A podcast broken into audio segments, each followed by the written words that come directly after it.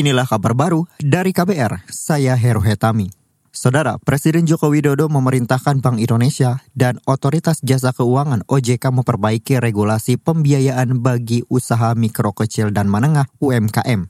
Jokowi mengatakan saat ini penyaluran kredit perbankan ke UMKM baru 21 persen dari total kredit yang ada. Kredit perbankan ke UMKM ini baru 21 persen.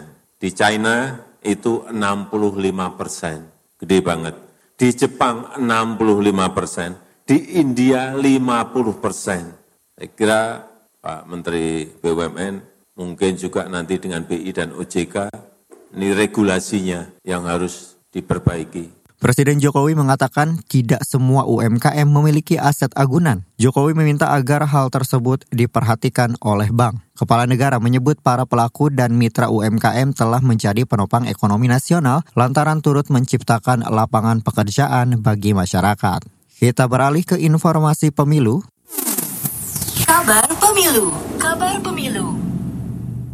Saudara Menteri Koordinator Bidang Politik Hukum dan Keamanan, Menko Polhukam Mahfud MD mengakui adanya gimmick politik yang menjadi pembahasan di masyarakat menjelang Pilpres 2024. Menurutnya hanya masyarakat yang bisa menilai apakah kampanye dari peserta pemilu merupakan gimmick atau gagasan untuk membawa negara ini lebih maju. Apakah gimmick itu mewakili kepentingan saudara? Apa tidak?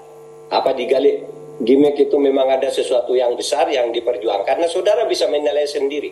Yang terpenting adalah saudara memilih dengan terlebih dahulu memberi penilaian.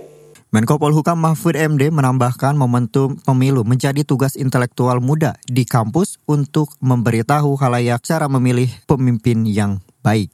Komisi Pemilihan Umum sudah menetapkan tiga pasangan calon presiden dan cawapres dalam Pilpres 2024. Debat perdana akan berlangsung pada 12 Desember mendatang.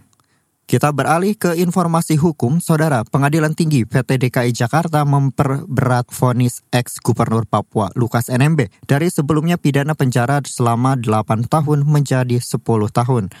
Putusan tersebut diputus dalam permusyawaratan Majelis Hakim Pengadilan Tindak Pidana Korupsi pada PT DKI Jakarta yang diketuai oleh Hakim Heri Swantoro.